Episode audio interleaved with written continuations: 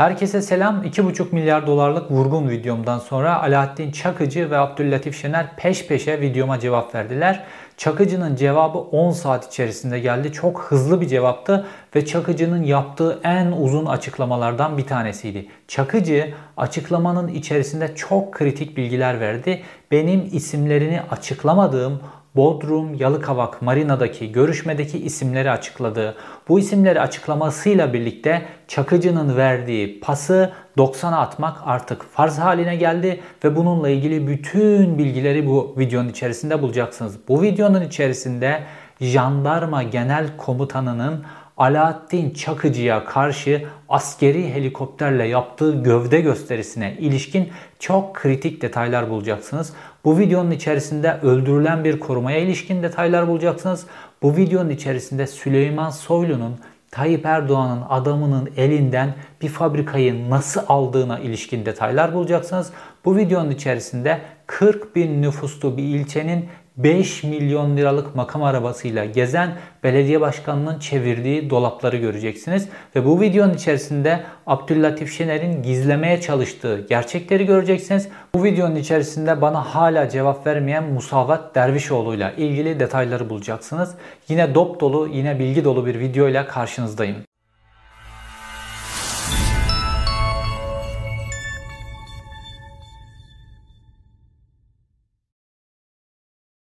Önce Alaaddin Çakıcı'nın açıklamaları ve bununla ilgili cevabım ve daha da detay bilgilerle ilgili konuyla başlayalım. Çünkü bu konunun nasıl Jandarma Genel Komutanı'na geldiğini, Jandarma Genel Komutanı'nın askeri helikopterler ve eşliğinde üst düzey subaylarla nasıl bir çıkartma yapıp Çakıcı grubuna gözdağı verdiğine ilişkin bütün detayları bulacaksınız. Burada yine çok heyecanlı detaylar var. Mafyatik, devlet işlerinin içerisinde olmayacak işler, çökmeler vesaire. Fakat heyecanlı işler. Bunların bütün detaylarını vereceğim size. Fakat önce Çakıcı'nın bu açıklamasından adım adım sizi buraya götürmem lazım. Şimdi Çakıcı ile ilgili konu benim 2,5 milyar dolarlık vurgunla ilgili yaptığım iki tane video vardı. Nursan grubuna çökme ile ilgili iki tane video vardı. Nursan grubu ne? Bir demir çelik fabrikası ve onun yanında hastaneler vesaire başka varlıklarında olduğu büyük bir grup ve Hatay'ın Payas ilçesinde konuştuğu çok büyük bir grup. Orada çok fazla demir çelikle ilgili sanayi var. Milyarlarca dolarlık sanayi var. Ve Payas'ta yılda 15 milyon ton sıvı çelik üretiliyor. Çok büyük bir endüstri var. Ve buraya çökmeyle ilgili de bazı hadiseler var. Burada bir görüşmeden bahsetmiştim ben. Demiştim ki bu çökme ile ilgili bir grup Alaaddin Çakıcı'yı Bodrum, Yalıkavak, Marina'da ziyaret ettiler demiştim. Fakat ben isimleri vermemiştim. Alaaddin Çakıcı benim ilk videoyu yayınlamamdan 10 saat sonra 2 sayfalık bir açıklama yaptı. Bu Alaaddin Çakıcı için çok hızlı bir refleks süresiydi.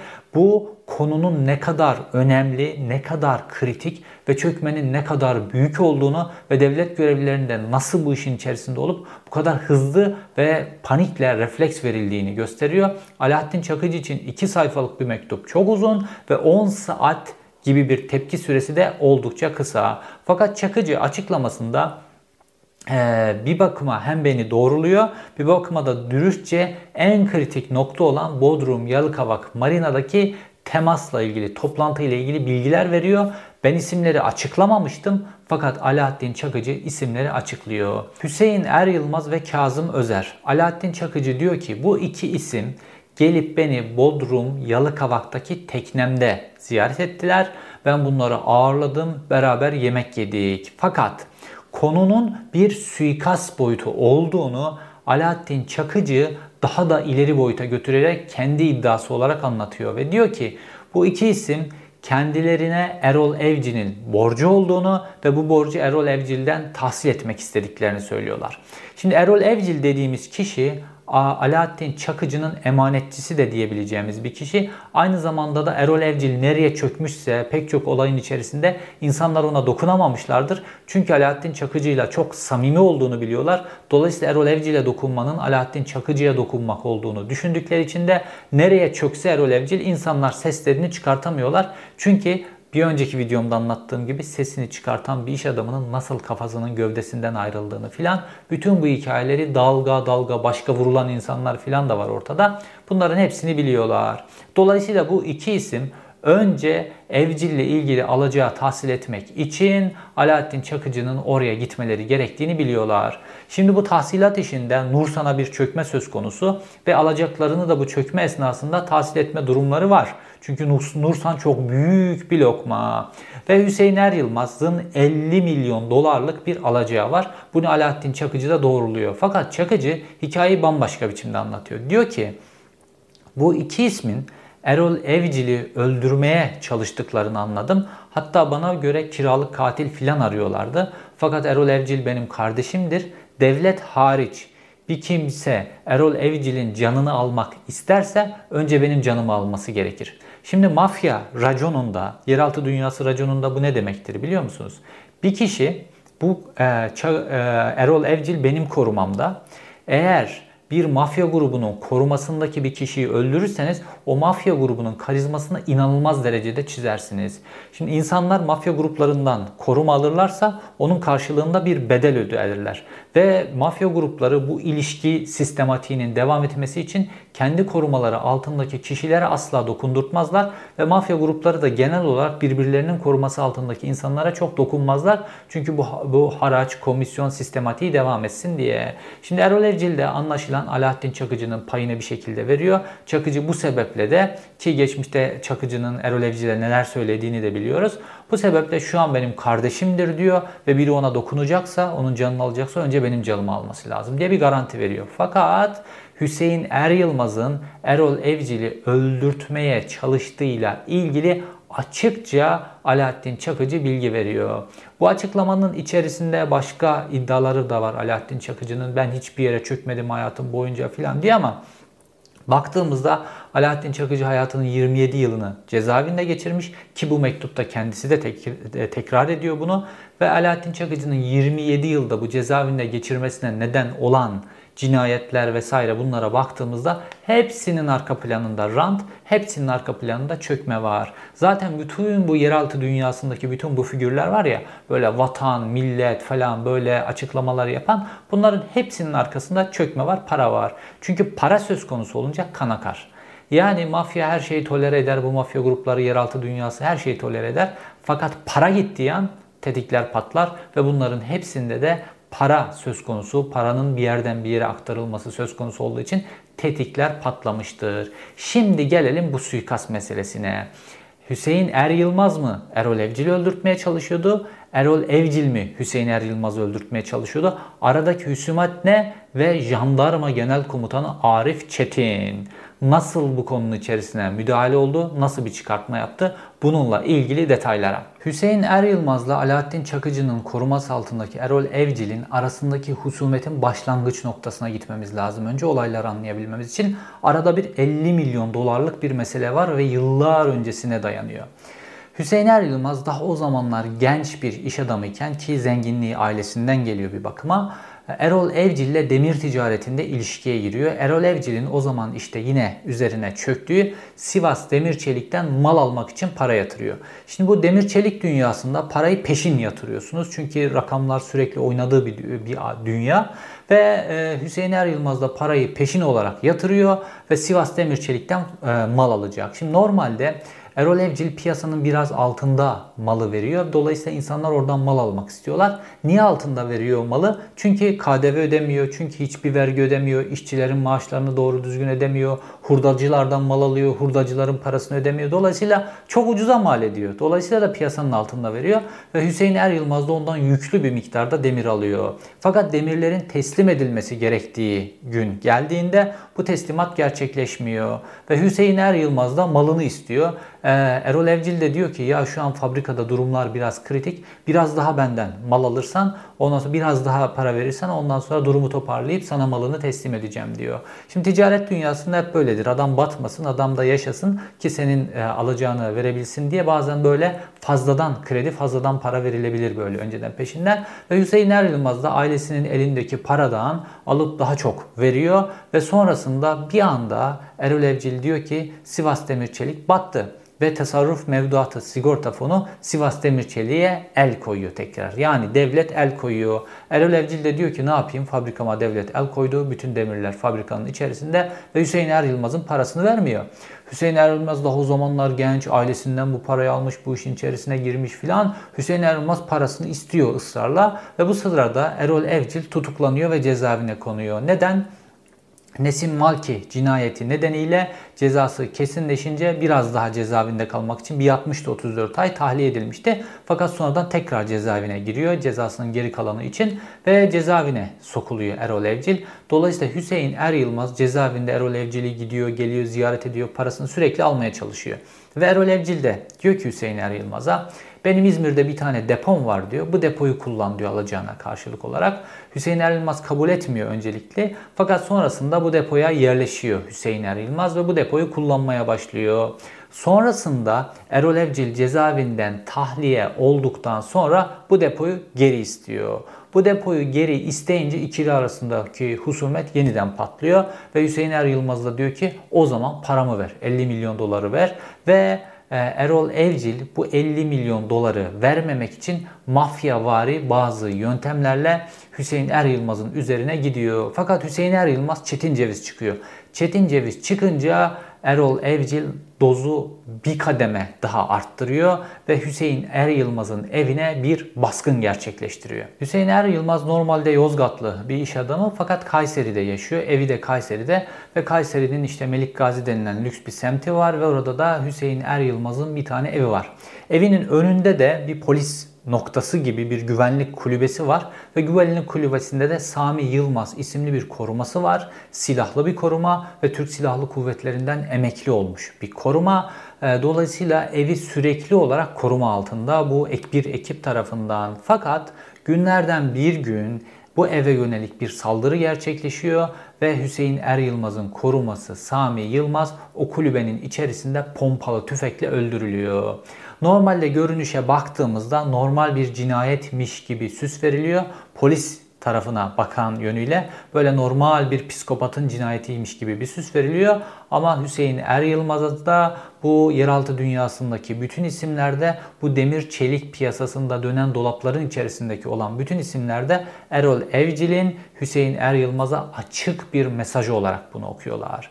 Ve baktığımızda katil daha önce 6 kişi öldürmüş ki bu 6 kişiden bir tanesi de kendi kardeşi. Bütün bu 6 kişiyi öldürmüş. Topu topu 13 yıl cezaevinde kalmış. 39 yaşında serbest ve geliyor 7. cinayet olarak da Türk Silahlı Kuvvetleri'nden emekli olmuş bir korumayı bir kişinin evini korurken evinin önünde pompalı tüfekle öldürüyor. Ve polise yaptığı açıklama da şu şekilde. İşte bu Sami Yılmaz'ın belinde bir silah vardı. Silah çok güzeldi. Bu silahı almak istedim ben. Özendim. Bu sebeple geldim. Pompalı tüfekle onu öldürdüm. Belindeki silahı da aldım gittim. Bu şekilde bir hikaye anlatıyor ve polis kayıtlarına da bu şekilde geçiyor. Çünkü kaçakçılık ve organize suçlarla mücadele şubesi Kayseri'de bu olayın üzerine derinleştirse içinden Erol Evcil çıkacak, Alaaddin Çakıcı çıkacak vesaire her şey çıkabilir. Potansiyel olarak her şey olabilir. Dolayısıyla da kom polisi bu işin üzerine örtüyor. O şekilde normal bir psikopatın bir korumayı öldürmesi gibi kayıtlara geçiyor. Fakat Hüseyin Er Yılmaz mesajı doğrudan alıyor ve kendisine yönelik bu mesajı gönderenin kim olduğunu da gayet iyi bildiği için emniyetteki bazı yakınları var. Ankara'da bazı emniyet müdürlerini vesaire tanıyor. Hüseyin Er Yılmaz güya çok vergi veriyormuş, çok vergi veren iş adamları da korunması lazımmış filan gibi kılıfına uydurularak Hüseyin Er Yılmaz'a iki tane polis koruma tahsis ediliyor. Bunların maaşını da Hüseyin Er Yılmaz doğrudan veriyor. Hatta kendisini çok iyi korumaları, ölümüne sahiplenmeleri için de bu iki polis korumasına da birer tane ev satın alıyor. Dolayısıyla bir polis koruması altına giriyor Hüseyin Er Yılmaz. Fakat Erol Evcil bunu da yemiyor ve Erol Evcil'in Hüseyin Er Yılmaz'a yönelik doğrudan öldürmeyle ilgili baskıları başlıyor, mesajları gönderilmeye başlıyor. Ve sonrasında da işte bildiğimiz mesele Erol e, e Evcil'le karşılık daha doğrusu Erol Evcil'in şerrinden kendisini koruyabilmek için ve olayın doğrusunu bir hakem pozisyonunda kendilerine göre idol olarak görüyorlar. E, Alaaddin Çakıcı'yı. Dolayısıyla Alaaddin Çakıcı ile Hüseyin Er Yılmaz arasındaki temaslar başlıyor. Hatta bu temaslara ilişkin fotoğraflarda Hüseyin Er Yılmaz tarafının işte yeğenleri, akrabaları vesaire bunların sosyal medya hesaplarında da yayınlanıyor. Fakat olay Hüseyin Yılmaz'ın istediği gibi gitmiyor. Alaaddin Çakıcı kendi parasını önceliyor ve öncelikle Erol Evcil'den kendi parasını tahsil etmek için Hüseyin Er Yılmazlara diyor ki önce ben, benim önceliğim var. Ben önce paramı alayım ondan sonra siz ne yaparsanız yapın pozisyonuna geliyor. Böyle olunca olaylar yani e, e, Hüseyin e, Er Yılmaz'a karşı Alaaddin Çakıcı da Erol Evcil'i savununca Hüseyin Er Yılmaz için alarm zilleri çalıyor. Ve işte bu noktada Hüseyin Er Yılmaz en büyük kozunu oynuyor ve Jandarma Genel Komutanı Arif Çetin bir gün ansızın ve çok yakın bir dönemde 17 Ekim 2021'de Hüseyin Er Yılmaz'ın sahip olduğu Er Yılmazlar Çelik'in bahçesine askeri Skorsky helikopteriyle indirme yapıyor. Yanında kendisi gibi son derece üst düzey jandarma görevlileri ve kamuflaj kıyafetleriyle buraya geliyorlar ve gövde gösterisi yapıyorlar. Bu gövde gösterisi neden Çakıcı'ya ve Erol Evcil'e karşı diyorum? Çünkü Er Yılmazlar Çelik işte bu Erol Evcil'in konduğu, yeni çöktüğü Nursa'nın bitişiği, duvarları bitişik. İki tane fabrika birbirine bitişik durumda. Yani Jandarma Genel Komutanı Arif Çetin, Erol Evcil'in yeni çöktüğü yere 100 metre mesafeye indirme yapıyor askeri helikopterle. Şimdi Türkiye'de bu artık askeri helikopterlerle indirme yapıp mesaj vermek bir şey haline geldi. Artık böyle rutin haline geldi neredeyse. Biliyorsunuz Tayyip Erdoğan da Abdullah Gül e, Cumhurbaşkanlığına aday muhalefetin adayı olmasın diye e, Hulusi Akar'ı o zaman Genelkurmay Başkanıydı. Askeri yine Skorsky helikopteriyle Abdullah Gül'ün bahçesine indirme yapmıştı ve Abdullah Gül'e bu şekilde gözdağı vermeye çalışmışlardı. Bu da biliyorsunuz hepinizin malumu e, ortaya döküldü, ortaya çıktı nihayetinde. Onun küçüğünü yapıyorlar. Yani balık baştan kokar ya. Cumhurbaşkanı onu yaparsa işte artık Hatay'ın Payas ilçesine kadar bu iş düşüyor. Çünkü artık para konuşuyor. Parayı veren gücü, parayı veren devlet korumasını, parayı veren jandarma genel komutanına kadar korumayı ve bunun karşılığında kendisini mafyadan koruyabilmek için gücü arkasına almayı becerebiliyor. Arif Çetin'in bu ziyareti böyle göstere göstere yapılıyor ve Arif Çetin bu ziyaretinde içeride, dışarıda, her yerde Hüseyin Er Yılmaz'la çok samimi fotoğraflar veriyor ve Hüseyin Er Yılmaz'ın bütün ekibi, bütün kadrosu bu fotoğrafları sosyal medyada, Instagram'da, internet sitelerinde, Payas'taki yerel sitelerde her yerde yayınlıyorlar. Hüseyin Er Yılmaz diyor ki benim arkamda jandarma genel komutanı Arif Çetin var. Şimdi bu Arif Çetin normal bir adam değil. Arif Çetin işte Sedat Peker sürekli anlatıyor ya Mehmet Ağar'ın oğlu Tolga Ağar bir tane e, işte e, yabancı uyruklu bir tane kıza tecavüz etti. Onu o tecavüzden sonra öldürdüler ya da intihara sürüklediler neyse. Bununla ilgili olayı jandarma kapattı filan söylüyor ya. İşte Arif Çetin'le Mehmet Ağar'ın arası da gayet samimi. Arif Çetin bu yeraltı dünyası, Mehmet Ağar vesaire gibi karanlık kişilerle ilişkileri çok seven böyle bir adam. Böyle birisi. Yani Veli Küçük'ün yeni versiyonu diyebileceğimiz bir adam Arif Çetin. Bu ilişkileri çok seviyor ve jandarmayı da bu noktaya kadar itti. Şimdi Arif Çetin'in bu ziyaretinden sonra bu sefer alarm sırası Erol Evcil'e geliyor. Ve Erol Evcil bütün korumalarını değiştiriyor. Normalde Erol Evcil'in işte etrafında böyle katil diyebileceğimiz böyle yeraltı dünyasından gelen tipler var. Bunların hepsi bir anda uzaklaştırılıyor ve bunların yerine profesyoneller geliyor. Bir tane binbaşı, TSK'dan emekli olmuş bir binbaşı, TSK'dan emekli olmuş assubaylar, bunların e, çevirle, çevirdiği bir koruma ordusu tarafından Erol Evcil korunmaya çalışılıyor ve hepsinin altında Range Rover'lar var. Amerikan başkanlarını koruyan tipler gibi giyiniyorlar hepsi kulaklıklar vesaire. Erol Evcil TSK'dan emekli insanları tercih ediyor. Çünkü TSK'dan emekli e, subayların, az subayların e, silah taşıma yetkileri var. Dolayısıyla hepsinin belinde kendi silahları var. Ve böyle bir profesyonel bir koruma içerisine alınıyor. Onların önündeki çembere de işte Erol Evcil'in eskiden beri işte mafya dünyasının içerisinde olan böyle bu tip fedailerden oluşan bir koruma ekibiyle toplam 25 kişilik bir koruma grubu içerisine alıyor Erol Evcil kendisini. Şimdi Erol Evcil'in geçmişte çattığı böyle ve malına çöktüğü iş adamların hemen hemen hepsi normal sanayiciliğin içinden gelen filan Erol Evcil'le aşık atamayacak kişiler. Fakat Hüseyin Er Yılmaz öyle değil. Hüseyin Er Yılmaz çetin ceviz çıkıyor ve Hüseyin Er Yılmaz'ın adamlarının yakın çevresine baktığımızda Bunların hepsinin Sedat Peker'le de çok samimi olduğunu görüyoruz. Mesela bazı adamlarına Sedat Peker doğum gününde özel mesaj e, çekmiş, doğum günü videosu çekmiş, göndermiş. Onlar da kendi sosyal medya hesaplarına koymuşlar. Bu böyle Sedat Peker'le ilgili çok fazla paylaşımların olması dikkatimi çekti. Dolayısıyla Hüseyin Er Yılmaz da o alemin adamı. Ve Hüseyin Er Yılmaz'ın ayrıca da çok samimi olduğu bir Iraklı iş adamı var. Bu iş adamından mütevellit de Hüseyin Er Yılmaz'ın cebinde bir Irak pasaportu, Irak kimliği başka bir isim adına düzenlenmiş olduğu söyleniyor.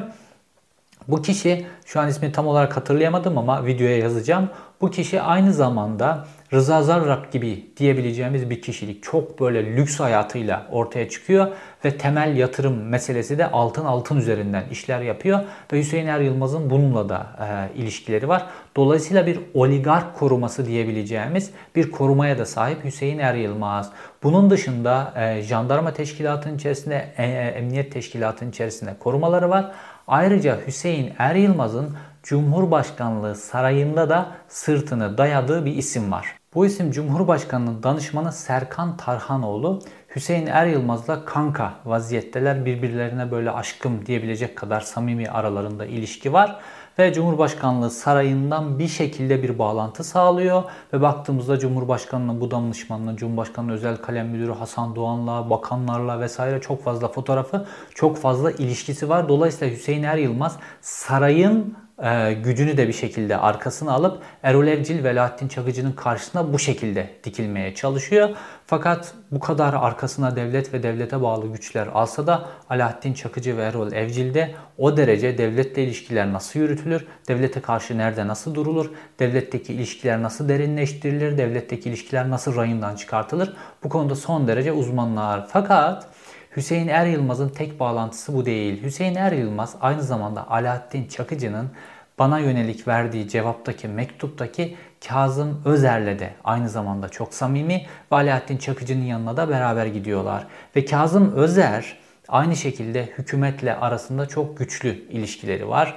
İşte böyle hep alkol aldığı zaman e, emniyet müdürlerini arayıp onları işletmeye çalışmasıyla vesaire bilinir. Böyle emniyet müdürleriyle ilişkileri çok var. Aynı zamanda bir telefon varmış. Bu da yeni bir sistem anladığım kadarıyla. İşte bu belli kişilere tanınan imtiyazlar. Çünkü Kazım Özer aynı zamanda Cumhurbaşkanı Erdoğan'la da tanışıyor. Ve Cumhurbaşkanı Erdoğan'la bu tanışıklığın da çeşitli biçimlerde kullanılıyor. Bir telefon varmış. O telefonu aradığınızda bu telefon önce Cumhurbaşkanı ya da o telefondan bir arama yaptığınızda önce bir ses çıkıyor. Diyor ki Cumhurbaşkanlığı İletişim Başkanlığından aranıyorsunuz diyor. Ondan sonra Kazım Özer konuşuyor ya da bu telefon kimde varsa o konuşuyor. Bir de böyle bir sistem icat edilmiş. Dolayısıyla arkanıza bir güç alıyorsunuz. İşte Kazım Özer'de de bu telefondan varmış. Dolayısıyla arkasında bir güç var. Çakıcı hani o bana yönelik mektubunda diyor ya Geldiler işte bu işin içerisinde devletin de haberi olduğunu söylediler. Ben de telefon uzattım dedim ki arayın beraber konuşalım filan dedim diye. İşte buraya mesaj yapıyor. Fakat bunun daha öncesi var. Şimdi size bir tane video izlettireceğim. Payas'ta Nur, e, Nursan diye bir firma var. Alımı ile ilgili her türlü teknik altyapıyı bitirdik. Bugün de Nursan'ın kıymetli sahibi e, Ekşi Beyefendi ile görüştük. Allah nasip ederse her şey yolunda gidiyor. 900 ve 1000 kişi arası ilk etapta ki bunlar kesinlikle eski çalışanların olmasını istiyoruz. En kısa zamanda işlem bitince 4-4,5 ay içinde Nursan çalışmaya başlayacak. İnşallah bunu da bugünkü el sıkışmadan sonra ikinci etap görüşme üzere İstanbul'da e, İlyas abiyle bir araya gelecekler. İnşallah omuz vermek suretiyle bankalarla yapılan görüşmeler ve Cumhurbaşkanımızla yapılacak görüşmelerle son noktayı koyup dört buçuk ay içerisinde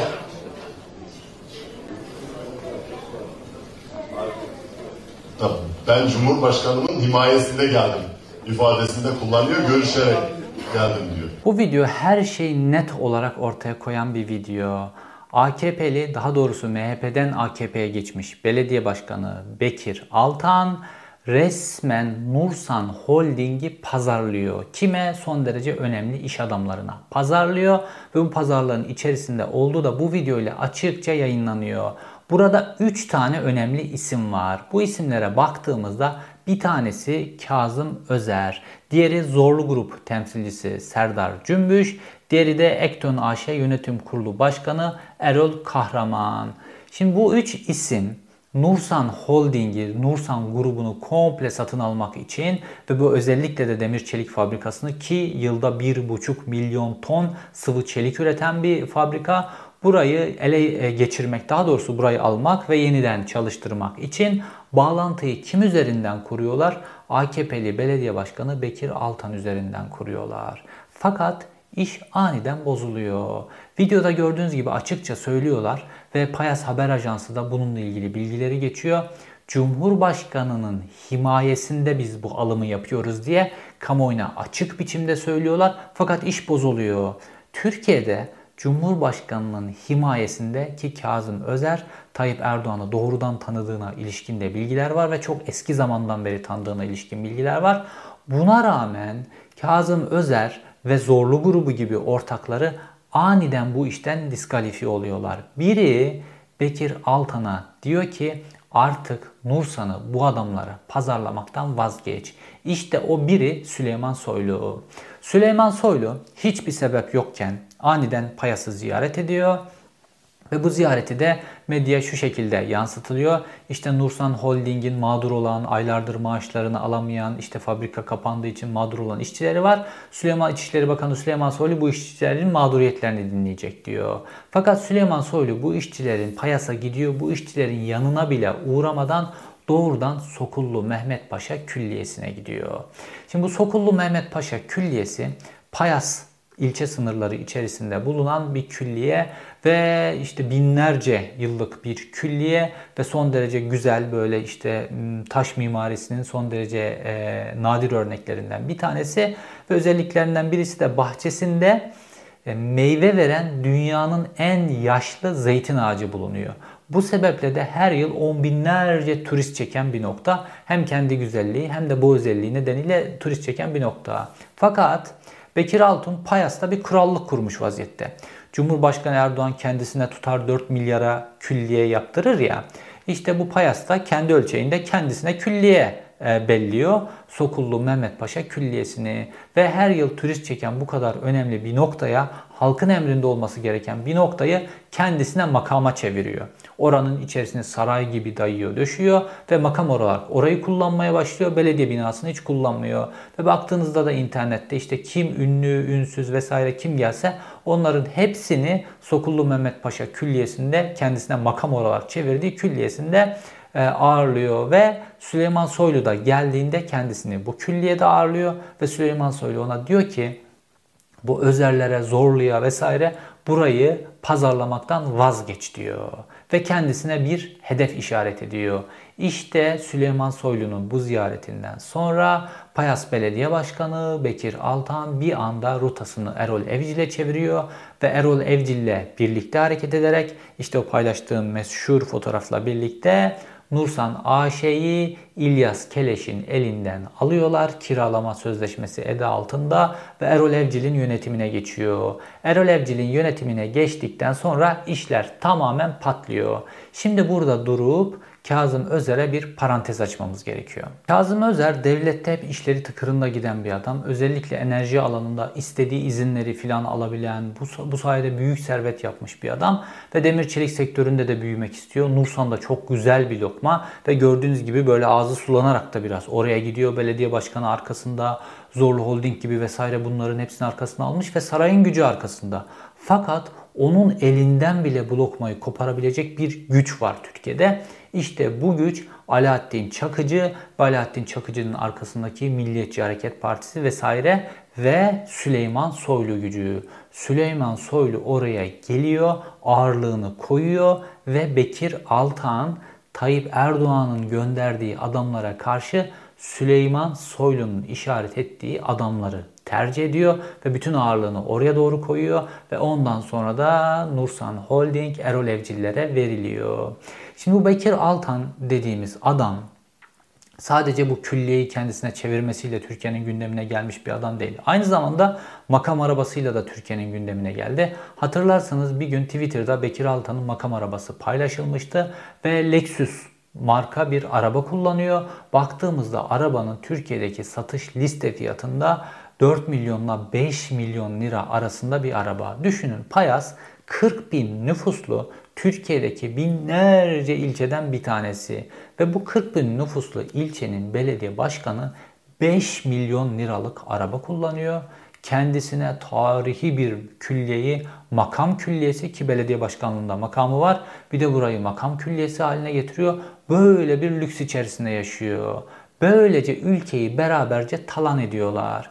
Kendisi halkın ki Payas'ın pek çok problemi var. Başka başta çevre problemi olmak üzere ki Erol Evcil Nursan Holding'i satın aldıktan sonra Nursan Holding'e çöktükten sonra demir çelik fabrikasının bacasından sapsarı dumanlar çıkıyor. Normalde bütün fabrikalar oradaki e, filtre kullanıyorlar. Fakat filtre kullandığınız zaman demir çeliğin işte tonunda kilo başı birkaç dolar e, fiyat farkı olacak. Bu fiyat farkını vermemek için ne yapıyor? Ülkenin havasını, payasın havasını zehirliyor. Fakat belediye başkanı kafasını diğer tarafa çeviriyor. Hatta bana çok mağdur olan bir kişi bununla ilgili bilgiler verdi. Bölgede işte görev yapan polisler var. O polisler polisler bile o bölgede görev yapmaktan o kadar şikayetçiler ki çünkü zehir soluyorlar ve o bölgede polisler uygulama yaptığında, insanları durduğunda insanlar o bölgede, o fabrikanın kenarında durmak istemiyorlar bu zehir soludukları için. Bütün Payas'ın halkı, çocukları vesaire ve ülkenin genel olarak dünya genel olarak kirletiliyor bu rant düzeni nedeniyle.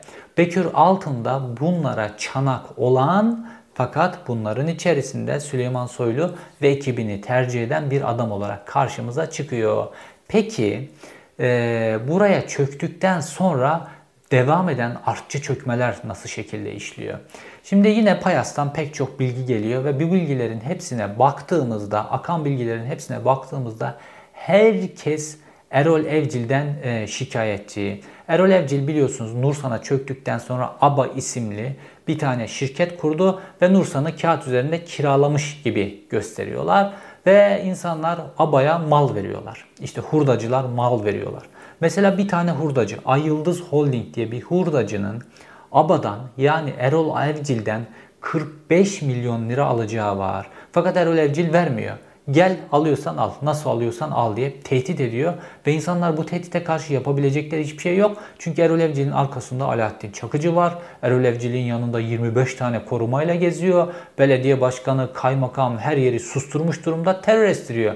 Ve Ayıldız hurda batmak üzere. Onun gibi başka hurdacılar da batmak üzere. Payas piyasası tamamen mahvolmaya doğru gidiyor. Çünkü Erol Evcil nereye çöktüyse orayı batırmak ve orayı batırırken beraberinde de o sektörde işbirliği yapanların hepsinin de varlıklarını sömürerek hepsinin üzerine kurmak üzere sistematiğini yürütüyor. Ege Metal'e çöktüğünde Ege Metal'i e, devletten devraldı. Daha doğrusu Ege Metal'in sahibi devletten devralmıştı. Onun üzerine çöküp onu ortadan kaldırdılar. Ege Metal'i batırdılar. Ege Metal ile birlikte pek çok hurdacı vesaire de battı. Sivas Demirçeli'ye aynı şekilde devletten aldılar ki Abdüllatif Şener bunu onur verdi devletten aldılar. Sivas Demirçelik battı. İşçilerin aylarca alacağı var. Devlete bir kuruş vergi ödemediler. Devlet battı. Elektrik parası ödemediler. Su parası ödemediler. Devletin tonla aracağı var. Hurdacıların tonla aracağı var. Fakat bütün fabrikayı soyarak, bütün o bölgenin paralarını soyarak ve devleti soyarak bütün bununla birlikte paralarını güvenli bir limana taşıdılar. Başka bir ülkeye götürüp oranın bankalarına yatırmışlardır. Şimdi sıra geldi Nursan'a. Şu an hurdacıları tek tek soyuyorlar. Fakat bir kuruş vergi ödemiyorlar. Bir kuruş e, KDV ödemiyorlar. Elektrik parası ödemiyorlar. Su parası ödemiyorlar. Ve bunların hepsine kim göz yumuyor biliyor musunuz? Başta Bekir Altan olmak üzere bütün o bölgedeki kaymakamından, valisinden, e, elektrik dağıtımından, e, jandarmasından, polis teşkilatına kadar herkes buna göz yumuyor. Bu talana kimse ses çıkarmıyor. Sadece herkes kendi rantının peşine düşmüş durumda. Şimdi gelelim Abdüllatif Şener meselesine. Şimdi Abdüllatif Şener benim bu videomdan sonra kendisine de sosyal medyada bu konu sorulmuş ve bununla ilgili bir cevap vermiş. Ben Abdüllatif Şener'le ilgili ne dedim? Ee, Erol Evcil Sivas Demir Çelik'e çöktü ve bunu Abdüllatif Şener olur verdi demiştim. Şimdi Abdüllatif Şener de diyor ki Sivas Demir Çelik özelleştirildiğinde yani 1998 yılında ben muhalefet milletvekiliydim. Dolayısıyla Sivas Demir Çelik'in hisselerinin devredilmesinde benim hiçbir ilgim yoktur diye bir tweet attı. Şimdi bu konuyu çok büyük bir biçimde çarpıtmak oluyor. Bir kere ben Sivas Demir Çelik özelleştirildiğinde ee, Erol Evcil bu özelleştirmeden Sivas Demir Çelik'i aldım demedim çünkü hakikat böyle değil. Sivas Demir Çelik Turgut Özal zamanında kuruldu ve 1998 yılında 28 Şubat şartlarında özelleştirildi. Fakat özelleştirmede iş adamları daha yüksek teklif vermesine rağmen Sivas'ın yerel halkında kalsın diye Sivas Ortak Girişim Grubu denen bir gruba daha düşük fiyatla e, satıldı. Fakat bu Sivas e, Ortak Girişim Grubu bir önceki videoda anlattım. Çeşitli usulsüzlükler vesaire nedeniyle buradaki yükümlülüklerini yerine getiremedi, borcunu ödeyemedi, üretim hedefini tutturamadı, yenileme yatırımlarını yapmadı ve devlet tekrar TMSF tekrar Sivas Demir Çelik'e el koydu. Ve Sivas Demir Çelik'e el konulduğunda 2005 yılıydı ve 2006 yılında Sivas Demir Çelik bu sefer Erol Evcil'e verildi. Ve Erol Evcil Ankara'da Abdüllatif Şener'le görev yap. Abdüllatif Şener'le görüştü. İşte Abdüllatif Şener diyor özelleştirildiğinde ben muhalefet milletvekiliydim. Evet özelleştirildiğinde sen muhalefet milletvekiliydin. Fakat devlet el koyduktan sonra tekrar kiralama yöntemiyle satış yapıldığında sen başbakan yardımcısı ve ekonomiden sorumlu devlet bakanıydın. Ve Erol Evcil ile e, Ankara'da baş başa bir görüşme yapıldı ve Erol Evcil'e Sivas Demirçeliği Sivas'tan söküp götürmemesi kaydıyla bu fabrika verildi. Şimdi Erol Evcil mafya ile ilişkileri olan emniyet iki kere bu adam demir çelik fabrikalarına çöküyor ve batırıyor diye rapor vermiş bir kişi olmasına rağmen ve Sivas Demir Çelik'e talip olduğunda da Emniyet Kaçakçılık Organize Suçlarla Mücadele Dairesi tekrar bu raporu vermiş olmasına rağmen Abdüllatif Şener'in, dönerin başbakan yardımcısı Abdüllatif Şener'in oluruyla Erol Evcil'e verildi. Niye verildi? Çünkü Abdüllatif Şener Sivas kökenli bir siyasetçi ve Sivas'ta böyle büyük Sivas'ın en büyük sanayisi birine verilecekse başbakan yardımcısı pozisyonunda olarak onun dediği olur. Dolayısıyla onun dediği oldu ve Erol Evcil'e verildi. Fakat ne oldu? Erol Evcil devlete bir kuruş vergi vermedi. Orayı soydu, soğana çevirdi. Bir, tür, bir sürü hurdacıyı da batırdı. Bir sürü insan da işini kaybetti ve Sivas Demirçelik bir enkaz olarak devletin boynuna çok daha büyük bir yük olarak kaldı. Dolayısıyla Abdüllatif Şener Şimdi dürüstçe bu neden oldu, neden onu tercih etti, neden ona devrine onay verdi vesaire bunların hepsini dürüstçe açıklamalı. Yani özelleştirmede şöyle oldu da ben özelleştirmeden bahsetmiyorum. Devlet ikinci kez el koyduktan sonra daha doğrusu devlet el koyduktan sonra özelleştirmeden yıllar sonra tekrar devredildiğinde senin sorumluluğundaydı. Dolayısıyla Abdüllatif Şener konuyu açıklayacaksa doğru biçimde açıklamalı. Şimdi bir diğer konu da Musavat Dervişoğlu. Musavat Dervişoğlu şu an İyi Parti'de grup başkan vekili. Musavat Dervişoğlu'nun bu Ege Metal ile ilgisi ne? Ee, şimdi Ege Metal'e çöküldüğünde yani Erol Evcil Ege Metal'e çöktüğünde Musavat Dervişoğlu MHP İzmir İl Başkanıydı. Emniyet Kaçakçılık ve Organize Suçlarla Mücadele Dairesi bir rapor gönderiyor ve raporda diyor ki Alaaddin Çakıcı ve Erol Evcil Ege Matel'e çöküyorlar. Daha sonra ismi Say Matele olarak çevrilen buraya çöküyorlar diyor ve bu onlara çok büyük bir ekonomik güç kazandıracak ve yeraltı dünyasının bir grubu çok güçlenecek diye bir rapor gönderiyor. Şimdi bu raporu gönderdiğinde e, Saymetel'in sahibi Rahmi Özden. Rahmi Özden devletten destek alamamaktan, hükümetten destek alamamaktan dolayı müzdarip Adalet ve Kalkınma Partisi'nin de iktidarının ilk yılları. Ve Rahmi Özden kendisini koruyabilmek için, korumaya alabilmek için dönemin İzmir MHP İl Başkanı Musavat Dervişoğlu'na gidiyor. Ve fabrikasının hisselerinin %10 kadarını Musavat Dervişoğlu'na emanet ediyor. Ve diyor ki bana karşı e, bu mafya grubuna karşı beni koru bu şekilde. Çünkü işte Evcil grubu, Alaaddin Çakıcı vesaire bunlar MHP'lilikleriyle biliniyorlar. Dolayısıyla Musavat Dervişoğlu gibi o dönem işte geçmişte e, Alparslan Türkeş'in de prenslerinden bir tanesi olan Ülke Ocakları Genel Başkanlığı yapmış filan bir isim. Dolayısıyla bir koruma kendisine alır diye düşünüyor. Fakat Rahmi Özden daha sonra ortadan kayboluyor. İşte önceki videoda anlattım bunu. 2,5 milyar dolarlık çöküş videosunun ikinci bölümünde bunu detaylarıyla anlattım. Sonra yıllar sonra kafası gövdesinden ayrılmış bir şekilde e, iskeleti bulunuyor.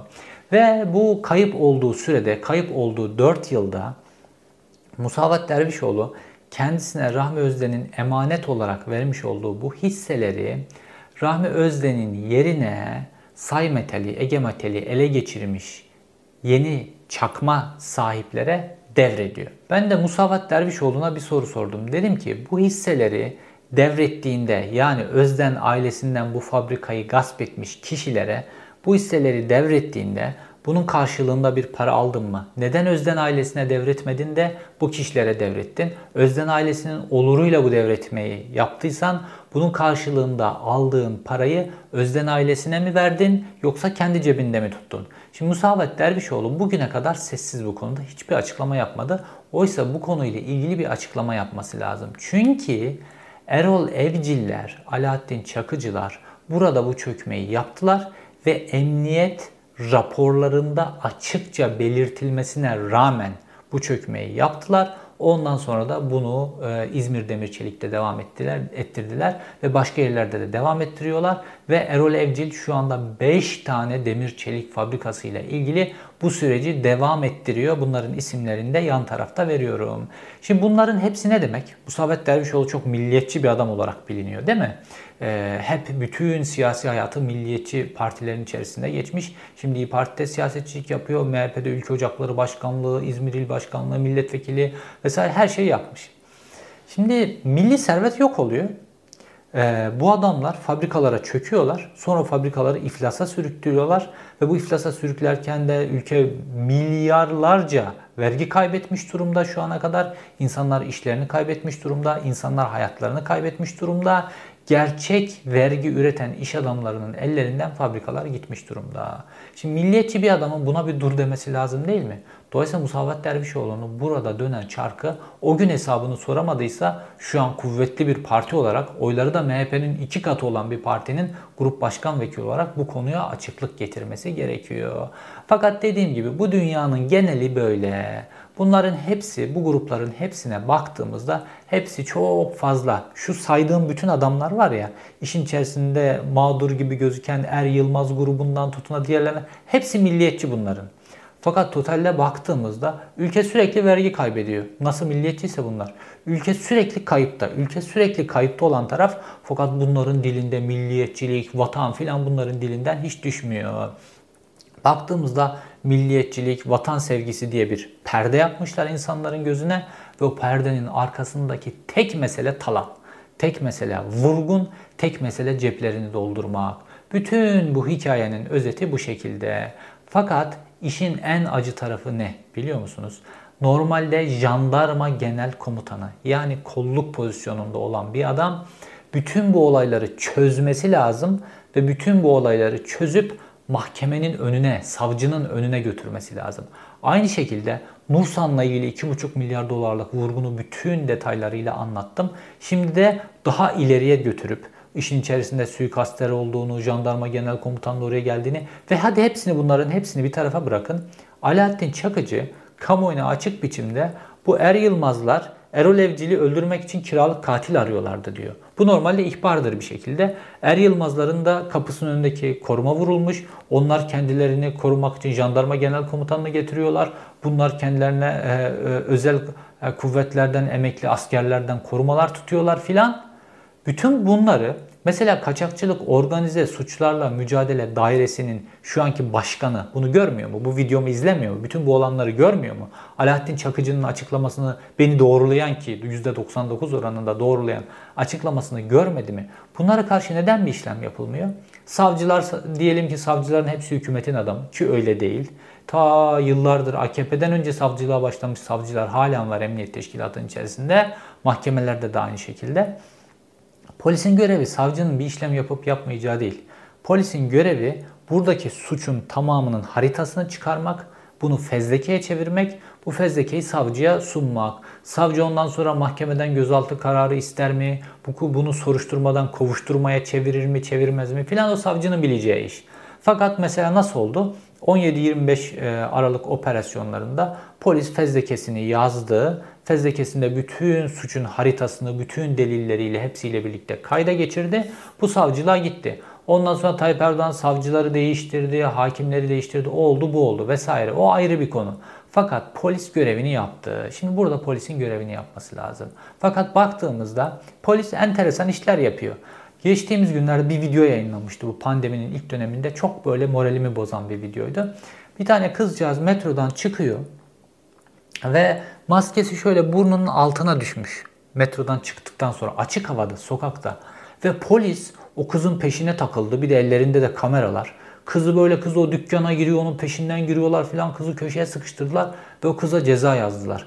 Belki o kızcağızın e, bir aylık maaşından daha fazla ceza yazdılar. Sırf maskesi şuradan şuraya düştüğü için. İşte bunların polisliği bu kadar. Burada 2,5 milyar dolarlık bir vurgun var.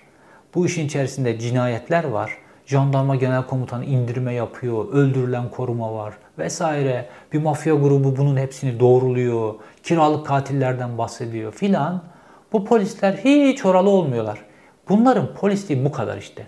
Bu kadar polislik olunca ülkenin de gelirleri, ülkenin geleceği bu şekilde çalınıyor. İşte Türkiye neden fakirleşiyor? İşte her alanda bu şekilde talan var. Her alanda vergi hırsızlığı var. Çalışanın, üretenin, e, maaş alan kişinin maaşından vergiler direkt kesilirken milyarlarca doları cebe indirenlerin hiçbirisinden hiçbir biçimde vergi tahsil edilmiyor. Mesela bir ihbarda bulunayım. Abaçelik, Nursan'ı devralan Abaçelik var ya, her gün 3000 ile 3500 ton arası demir üretiyor.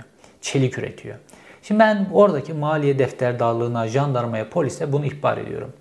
Burası günde 3000 ile 3500 ton arası çelik üretiyor. Bunun KDV'sini bugüne kadar bir gün için bunun KDV'sini verdi mi? Buyursunlar defterler ellerinde. Aba Çelik ne kadar KDV veriyor? Üretim orada. Bir tane memur göndersinler. Memur gidip fabrikanın çıkışında dursun. Günde kaç kamyon çelik çıkıyor. Oradan ne çıktığını zaten hesaplar. Onun KDV'sini hesaplar ortaya koyar. Ama yok. Bir kuruş KDV vermediler. Hurdacılardan mal alıyorlar. Onların parasını vermiyorlar. Parasını isteyenin üzerine çöküyorlar. İşçilerin SSK primleri yatırılmıyor. Elektrik parası verilmiyor devlete. Su parası verilmiyor.